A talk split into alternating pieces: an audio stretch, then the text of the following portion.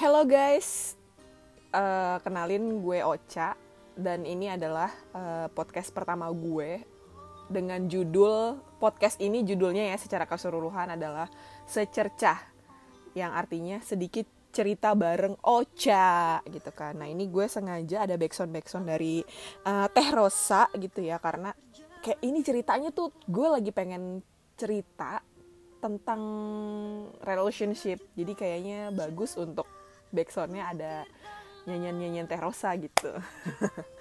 Oke okay, jadi gue mau bahas tentang uh, relationship yang uh, fokus utamanya adalah tentang pacaran selama tiga tahun.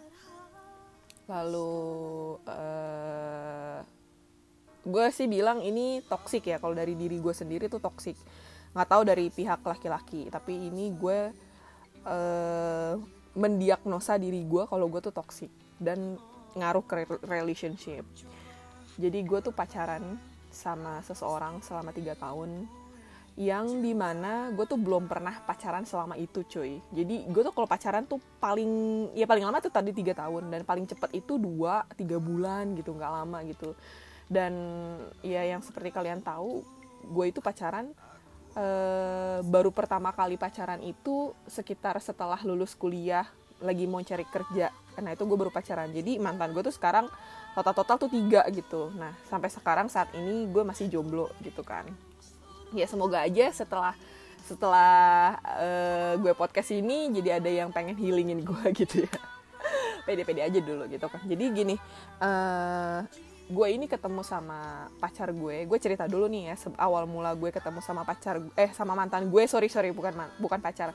Sama mantan gue ini uh, tiga tahun sebelumnya itu kenalan kita dari uh, Tinder gitu kan match nah jadi gini uh, itu tuh gue setelah beberapa bulan gue putus sama mantan gue yang nomor dua gitu kan. Gue main Tinder karena iseng. Iseng bener-bener iseng. Kayak teman gue ngasih tahu gue terus untuk uh, ayo ca lu bikin Tinder lu bikin uh, ini ini gitu kan aplikasi dating gitulah. Terus akhirnya gue kayak apaan sih? gitu kan.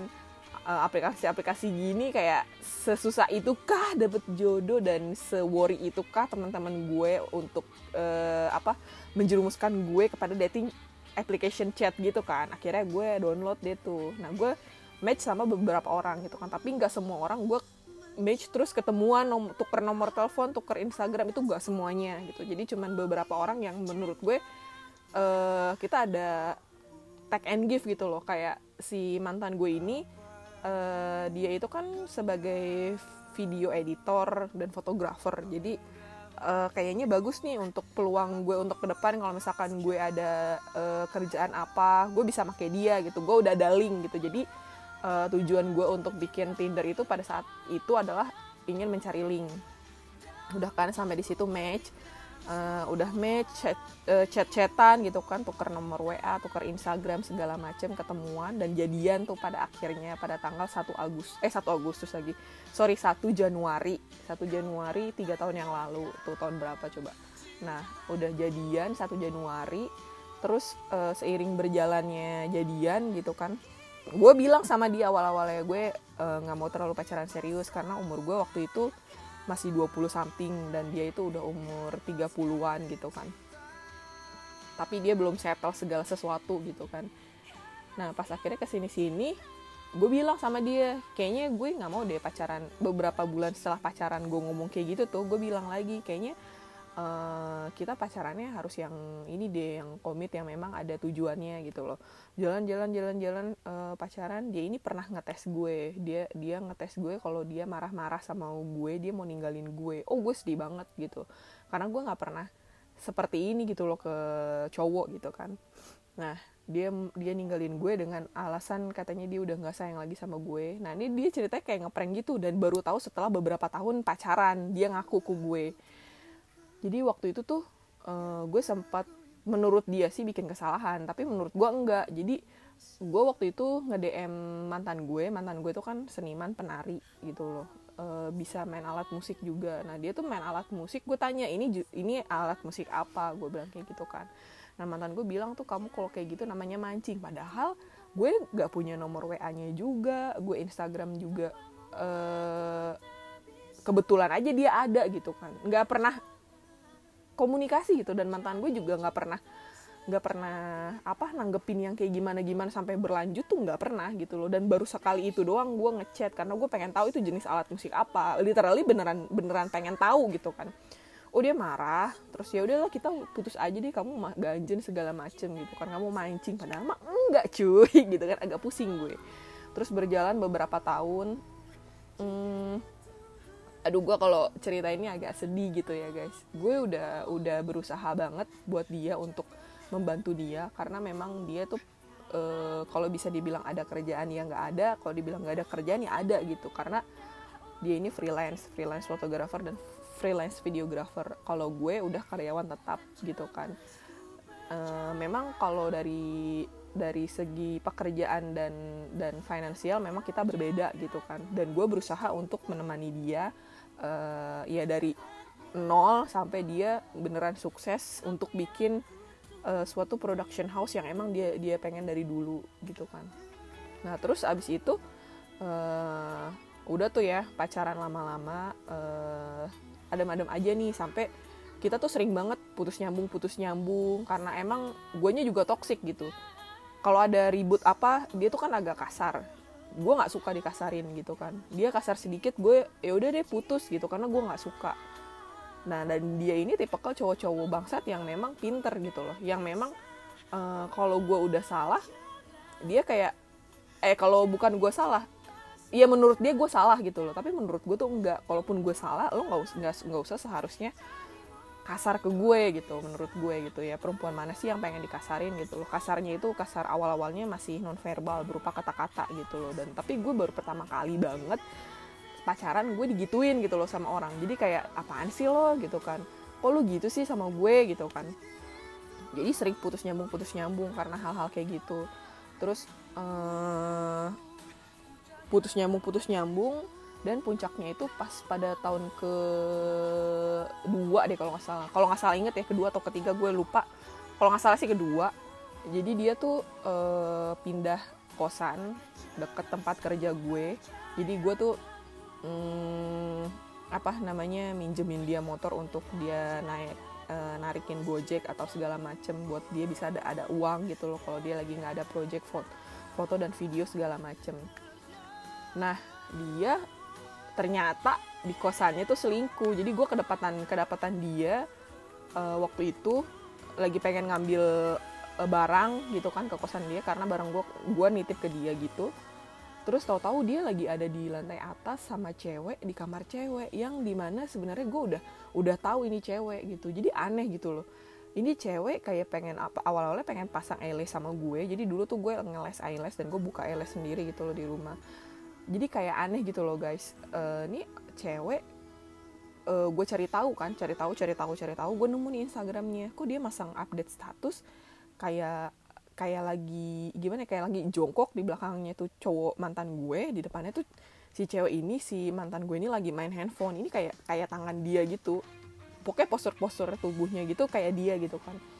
Dan itu kayak di kosannya dia. Terus gue beralih gue ke sana mau ngambil barang gitu kan tanpa bilang-bilang sama dia. Akhirnya gue ke sana gue ngambil barangnya itu nggak ada. Gue liatin ke kosannya juga nggak ada gitu kan. Uh, gue ke atas ke atas nggak tahu gue pengen aja ke atas gitu kan.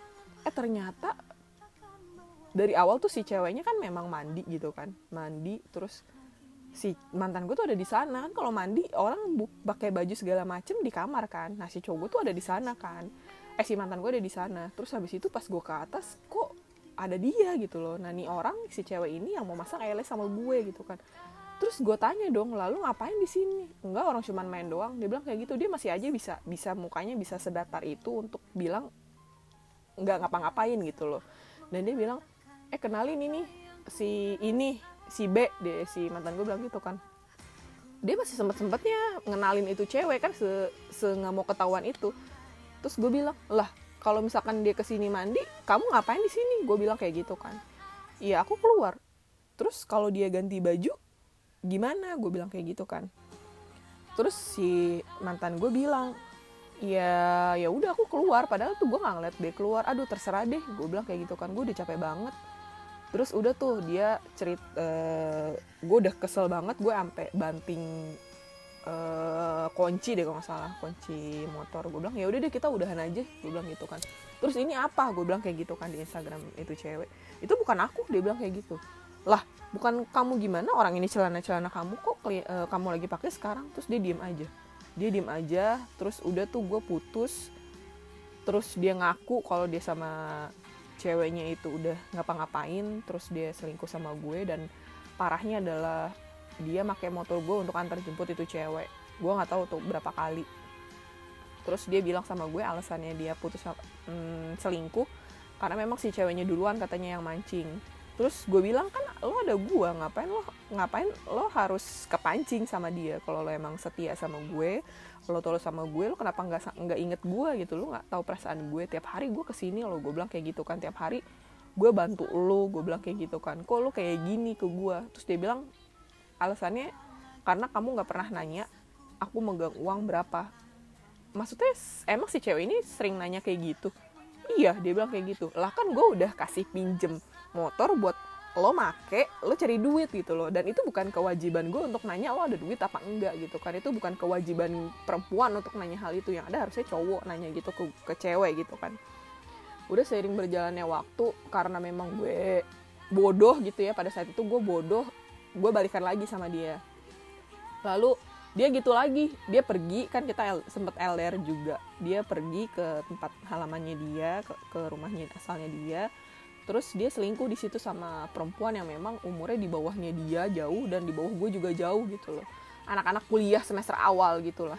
Gue nggak ngerti ini orang bisa selingkuh dan bisa dapat ini cewek dari mana. Gue nggak ngerti sama sekali deh. Gue udah urusan deh gitu kan terus gue cari tahu cari tahu nih orang nggak mau ngaku nggak mau ngaku nggak mau ngaku. Gue udah nemu nomor kontak ini cewek. Nah begonya adalah gue bisa tahu itu cewek selingkuh sama si mantan gue karena ini setiap hari ada orang ngeliat IG story pakai IG story ini gitu kan. Pakai IG story ibu uh, ibu-ibu gitu kan. Ternyata itu IG mamahnya gitu kan. Gue bilang terus pas dia balik ke Jakarta dia biasa aja gitu loh. Dia kan balik lagi nih cerita ke Jakarta mau ketemu sama gue ada kerjaan segala macem. Udah tuh kayak biasa aja dia. Terus gue mainin handphonenya dia dia sholat Jumat gue mainin handphonenya dia. Gue lihat ada chat-chatan dia yang chat-chatan chat-chatan apa sih? Cecetan nakal gitu. Dia bilang hapus ya chatnya kalau setelah kita hapusan. Terus dia kayak iya nih aku kangen kamu gitu. Iya sayang kayak gitu gitu dia udah kayak selingkuh gitu deh chatnya nakal gitu kan. Terus gue bilang ini apa? Gue bilang kayak gitu kan. Terus dia diem. Terus dia bilang aku tuh pengen cerita sebenarnya sama kamu tapi kamu pasti nggak bakal ngerti. Ya sekarang cewek mana cuy yang ngerti cowoknya selingkuh udah nakal-nakal gitu ngomong-ngomong sama cewek terus gue harus ngerti dari sisi mana gitu kan. Oh gue udah kayak ngamuk gue lempar barang di situ. Gue lemparin aja barang bulu amat diliatin sama orang juga. Terus gue langsung pulang gue bilang lu jangan ketemu lagi ya sama gue. Lu udah dua kali kayak gini. Gue bilang kayak gitu kan. Ini tuh yang kedua kalinya. Terus udah tuh gue udah capek banget sama dia bener-bener kayak gue salah apa gue kurang apa gitu. Terus dia bilang berdalihnya ya waktu itu kan kita udah putus. Ya tapi kan sekarang situasinya lo udah nggak putus lo udah masih sama gue sekarang. Nggak putus kan sekarang? Dia bilang kayak gue bilang kayak gitu kan dia masih tetap aja ngedefense dirinya dia sendiri bahwa kalau dia tuh nggak salah gitu kan. Nah inilah gue pas banget nih nyesel nih. Gue nyesel kenapa pas awal-awal gue mau maafin dia. Emang tolol pada waktu itu sumpah jujur gue dua kali tolol dan gue terus-terus tolol-tolol seterusnya. Sampai akhirnya sekarang kita memang udah bener-bener LDR dia nggak nggak ke sini. Untuk terakhir kalinya dia ke sini uh, ketemu sama gue lalu dia balik lagi kan dia ada ada ada dua kali atau tiga kali bolak balik dari uh, kampungnya ke Jakarta terus terusan seperti itu kayaknya tiga kali. Gue doang yang belum pernah ke tempat halamannya dia. Nah dia tuh kan uh, sakit nih sakit uh, kecemasan sakit kecemasan dan dia harus ditemenin terus gitu kan. Jadi pada suatu ketika uh, gue pun kan sekarang kan lagi corona gitu ya harusnya tuh gue emang ke tempatnya dia karena memang gue karena memang di sini belum bisa untuk datang ke sana karena pandemik gitu kan. Jadi gue membatalkan untuk ketemu dia ke kampungnya halamannya. Batal tuh kan ketemu sama dia. Nah dia ini lagi sakit kan makanya gue mau ke sana gitu kan. Nah terus sudah kayak gitu uh, gue nggak jadi nih ke sana. Dan dia tuh selalu crash terus gitu kan. Kayak kambuh dia nggak bisa tidur dia harus ditemenin dia harus di ngertiin gitu kan. Sementara orang yang normal seperti gue gue juga butuh hal untuk uh, apa ya untuk take my time gitu loh. Kayak gue bukannya logika gue bilang gini loh guys. Gue nggak wajib untuk menemani lu karena gue baru pacar lu. Yang wajib untuk menemani lu adalah keluarga lu. Gue tau memang gue pasangan lu tapi gue juga ada hal lain yang emang harus gue urusin gitu loh. Jadi jangan cuma lo terus yang harus di ngerti lu juga harus ngertiin gue orang yang sehat yang punya banyak aktivitas. Gue tahu lu kayak banyak kecemasan apa segala macem. Tapi masa karena ada masalah-masalah kecil lu nggak bisa memanusiakan manusia gue gitu loh. Nggak bisa memanusiakan gue sih gitu loh. Kayak lo pengen diempati dan disimpatiin tapi lo nggak seperti itu ke gue gitu loh. Jadi egois banget kan. Jadi pas waktu dia crash gue emang lagi bener-bener sibuk sibuk antar pekerjaan kuliah gitu kan. Gue juga kan lagi kuliah gue lagi UTS waktu itu eh sorry. UAS sebenarnya UAS UAS bikin paper gitu kan. Gue bilang sama dia gue belum selesai. Karena deadline gue itu tinggal beberapa hari dan gue belum selesai dan gue lagi mulai bikin juga kan. Kok dia kayak gitu ke gue gue bilang e, nanti ya aku mau makan dulu. Gue bilang kayak gitu kan. Dia lagi crash terus dia marah. Dia bilang gue ini lagi butuh lo. Kenapa lo masih mau mikirin makan? Cuy gue belum makan dari pagi dan gue tuh stres banget tidur tuh pagi terus gue ngerjain tugas terus terus ada lo datang crash gue bukan yang nggak mau nemenin gitu loh. Gue mau nemenin tapi ngertiin gue untuk izinin gue untuk makan dulu deh gitu loh. Sebentar aja atau enggak gue juga pas uh, lagi teleponan sama dia dia lagi crash gue bilang enggak maksudnya itu gue makan itu gue ngambil makan sambil makan gue telepon lo. Tapi dia tuh salah persepsi dia dia mikirnya gue ninggalin dia lebih milih makan gitu. Ya menurut gue manusiawi gitu kan. Ya tunggu sebentar dulu gitu loh. Tapi dia emang nggak bisa untuk ditinggalin. Gue bukannya nggak nggak ngerti sama orang-orang yang kena penyakit ini ya. Cuman maksud gue itu manusiawi nggak sih? Kalau gue lapar gue minta izin dulu gue mau makan dulu ya. Karena memang ini tuh uh, pola hidup gue udah nggak teratur gitu loh cuy. Karena gue ngerjain tugas gue kuliah juga gitu loh gue kerja juga jadi nggak balance terus gue harus ngurusin lo gitu. Padahal sebenarnya ada keluarganya juga yang harusnya ngurusin dia bukan sepenuhnya gue gitu kan. Memang dia yang dia butuhin tuh gue tapi dia harus ngertiin gue juga gitu maksud gue tuh kayak gitu. Jadi balance antara lo sama gue tuh balance tapi ini tuh enggak gitu kan. Udah tuh terus habis itu uh, emang ada ada salah gue ke dia karena gue membanggakan sosok temen gue yang memang selalu ada dalam dunia perkuliahan gue. Sorry guys nyokap gue lagi masak jadi bersin. Terus udah gitu gue bilang nih kalau misalkan nggak ada dia gue nggak tahu kuliah gue bakal kayak gimana. Memang itu salah salah gue. Gue udah bilang sama dia gue minta maaf gitu kan. Karena pada saat itu pun gue balikin lagi aja. Gue boleh dong egois dan gue balikin permasalahan itu ke dia juga karena dia pernah kayak gitu juga ke gue. Jadi gue pengen lo rasain dong lo juga pernah kok kayak gitu ke gue jadi seimbang dong gue ngelakuin hal ini tapi dia tuh nggak mau digituin gitu loh. Saking saking egoisnya saking pengen menang banyak gitu loh. Jadi gue melakukan hal itu kayak gue salah banget gitu loh. Padahal gue mau memberi pelajaran dan sebenarnya tujuan gue pun bukan bukan itu gitu loh. Biar dia reminder aja gitu kan. Jadi pas gue banyak tugas gue kelewat tugas gue satu gue absen nggak ada yang ngingetin gue dan dia si teman gue ini ngingetin gue gue bilang gue lebih ke bangga karena gue punya temen yang sepeduli itu sama gue gitu loh sampai ngingetin gue sampai nyuruh gue bikin jadwal segala macam biar gue nggak lupa gitu. Menurut gue itu hal yang positif yang emang harus gue apresiasiin nih teman gue positif gitu loh ke gue. Tapi dia tuh ngeliat tuh dalam hal lain kalau gue itu membanggakan teman gue ini sosok laki-laki padahal mah enggak gitu loh. Gue juga ngapain ngebanggain ini orang gitu loh. Gue juga nggak ada hubungan apa-apa. Dan menurut dia itu kalau misalkan membanggakan laki-laki lain di depan laki-laki itu salah. Ya emang salah. Gue akuin gue salah. Tapi gue bukan membanggakan dalam arti gimana gimana gue cuman lebih ke senang aja punya teman kayak gitu gitu kan. Pokoknya dia marah. Terus abis itu dia bilang sama gue lo itu nggak nggak pernah ngertiin gue lu tuh nggak pernah selalu ada. Padahal sebelum sebelumnya gue mencoba untuk selalu ada buat dia sampai gue nemenin dia tidur karena dia crash segala macem tapi nggak dilihat sama dia gitu loh.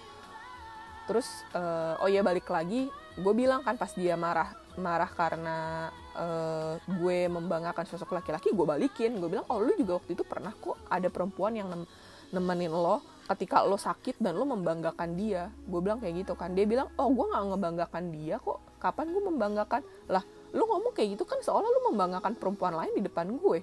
Gue bilang kayak gitu. Apa bedanya sama lo? Gue gue balikin kayak gitu kan.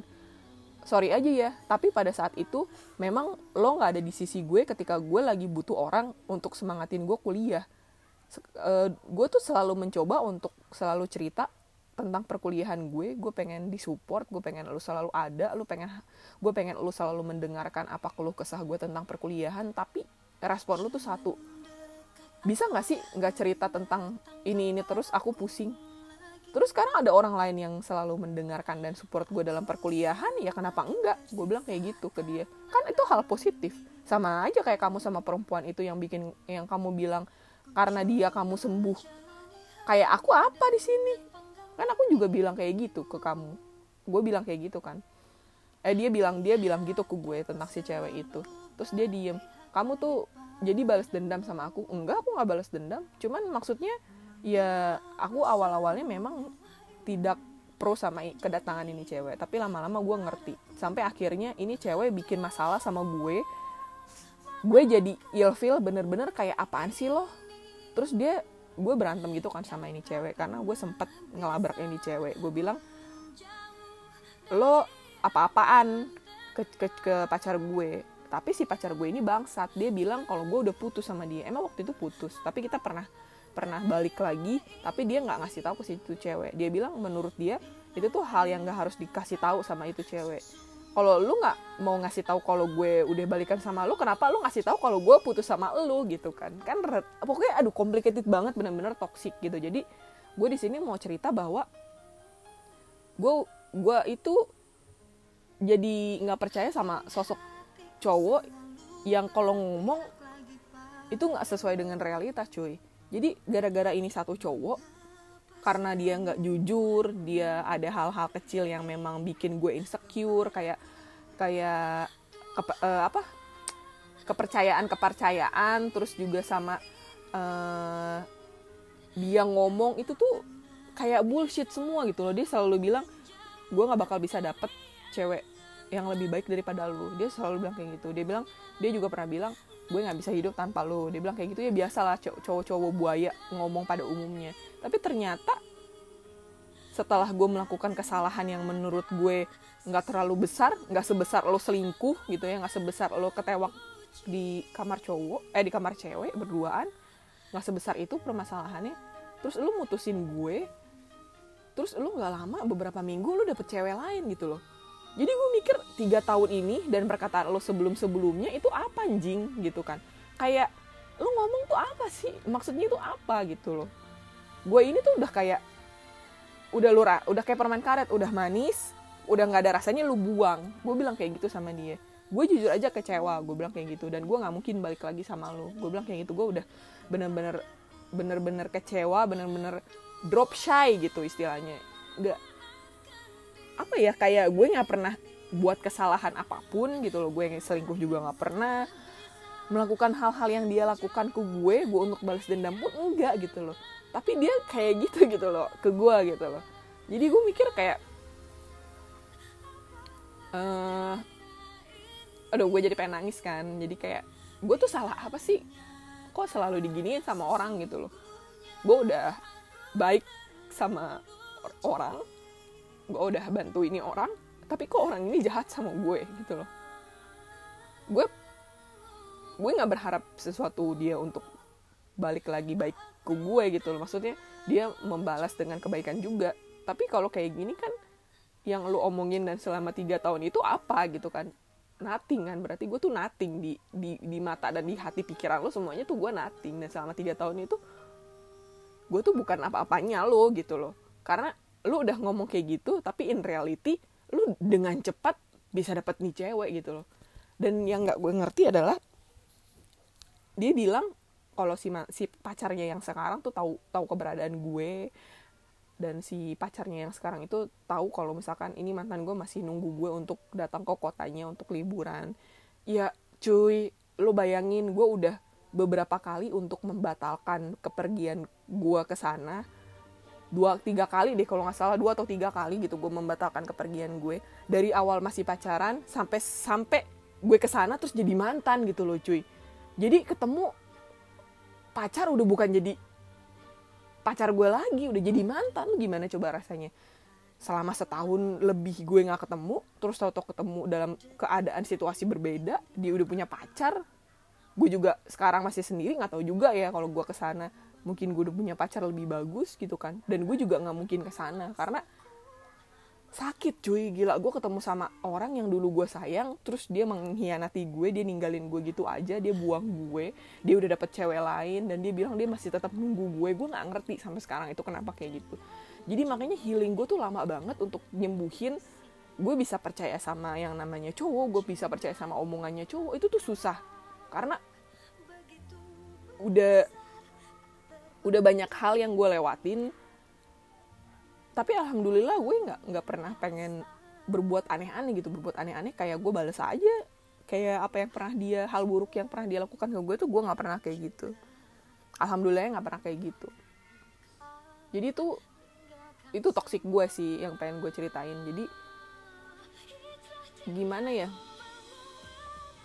Nah sekarang ini lagunya kebetulan hijrah. Jadi akhirnya dari yang yang dia putusin gue terus akhirnya gue kayak mikir gue gue harus memperbaiki apa nih gitu loh. Gue salah apa gitu kan. Kok gue sampai diginiin gitu loh. Sampai akhirnya gue memutuskan untuk oke okay, gue pakai hijab.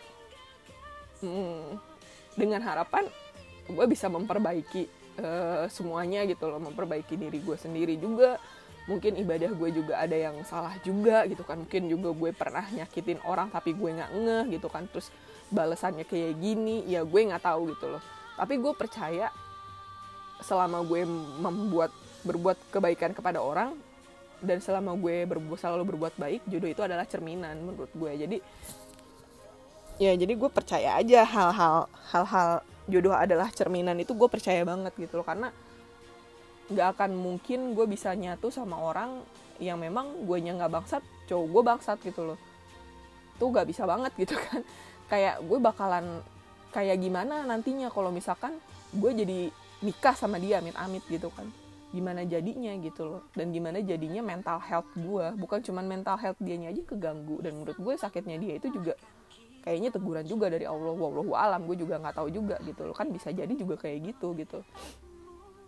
Dan ya itu tadi gue uh, menggunakan hijab yang sampai sekarang gue juga belum bener-bener banget jadi orang gitu loh. Dalam arti omongan omong gue ngomong gue kadang suka masih uh, ya tadi gue ngomong masih ngomong anjing tai gitu kan. Ya masih belajar namanya juga. Tapi uh, gue berharap banyak sama hijab gue. Kalau hijab gue ini adalah tameng untuk diri gue sendiri biar tidak melakukan hal-hal aneh termasuk pacaran gitu loh. Jadi kalau misalkan memang uh, ada yang serius sama gue ya udah gue nggak mau pacaran gitu. Tapi gue pernah dinasihatin sama temen gue adalah gue itu sebenarnya bukannya teras isu sebenarnya gue tuh bukannya uh, kecewa gitu loh sama laki-laki. Tapi gue cuman teras isu dan kecewa sama satu orang. Jadi gue harus merubah metodenya. Metodenya dalam arti kata gue dulu kenal sama cowok dari Tinder. Nah sekarang lu gue rubah terus tipenya juga rubah. Dulu gue suka sama orang yang bad boy gitu kan yang yang memang rada-rada nggak jelas gitu. Yang punya talented segala macem. Nah itu harus gue rubah. Itu e, nasehat temen gue gitu loh. Nah sekarang dan gue juga harus merubah diri gue sendiri juga dan sembari gue healing. Gue udah ngikutin beberapa seminar gitu untuk biar diri gue tuh menyembuhkan untuk diri gue sendiri juga itu untuk mental health gue juga gitu. Nah mungkin di sini ada teman-teman yang yang punya cerita sama gitu kan pernah terjebak dalam uh, dalam toxic relationship atau punya cerita-cerita yang sama juga gitu mungkin kayak gue gitu kan. Pernah diselingkuhin beberapa kali tapi pengen balik juga minta maaf balik juga sampai akhirnya di titik gue capek gue nggak bisa balik juga ke lo gitu loh. Cuman memang memori ini gak bisa lepas dan gak bisa move on gitu aja bareng lo gitu loh. Kecuali mungkin gue menemukan sesuatu laki-laki yang baru dan gue menjalani hidup gue atau waktu gue separuh waktu gue sama dia sama cowok yang baru gitu. Mungkin gue bakalan lupa. Ya gitu deh gue. Ya namanya juga omongan orang gitu ya nggak ada yang bisa tahu nggak ada yang bisa nggak ada yang bisa percaya juga gitu loh. Kalau misalkan memang kalian nih yang denger cerita gue uh, nganggap gue bodoh ya emang gue gue akuin gue bodoh. Tapi sekarang gue lagi mencoba nih. Kan ini momennya lagi pas nih. Maksudnya gue belum belum bisa uh, move on dalam arti kata bukan move on ke personal ya tapi move on memori gitu move on kangen sama eh, masa-masanya gitu. Uh, bukan masa-masa salah. Kangen sama beberapa momen gitu loh. Tapi kalau sama orangnya emang enggak gitu. Ya emang gue bodoh gue akuin. Jadi kalau misalkan kalian ada mau ngobrol tentang toxic relationship di secercah ini atau ya ada yang mau nanggepin omongan gue atau ya pokoknya apa pun yang kalian mau obrolin boleh kalian obrolin di ini ada kolom komentar gak sih? Kayaknya harusnya sih ada ya. Oke gitu aja deh. Goodbye guys. Secercah 31 menit lumayan. Em tapi sebenarnya uh, mantan gue ini bukan berarti sepenuhnya orang jahat gitu loh dia juga orang baik suka memberi. Kalau ada uang juga dia selalu ngasih ke gue juga gitu kan. Kalau apa suka gantian gitu. Maksudnya ya ada hal maksudnya di dalam orang buruk sekalipun pasti ada sisi baiknya gitu loh. Cuman memang dalam relationship ya itu yang gue rasakan gitu. Bye, see you on uh, part selanjutnya di Secercah. Sedikit cerita bareng Ocha. Dah.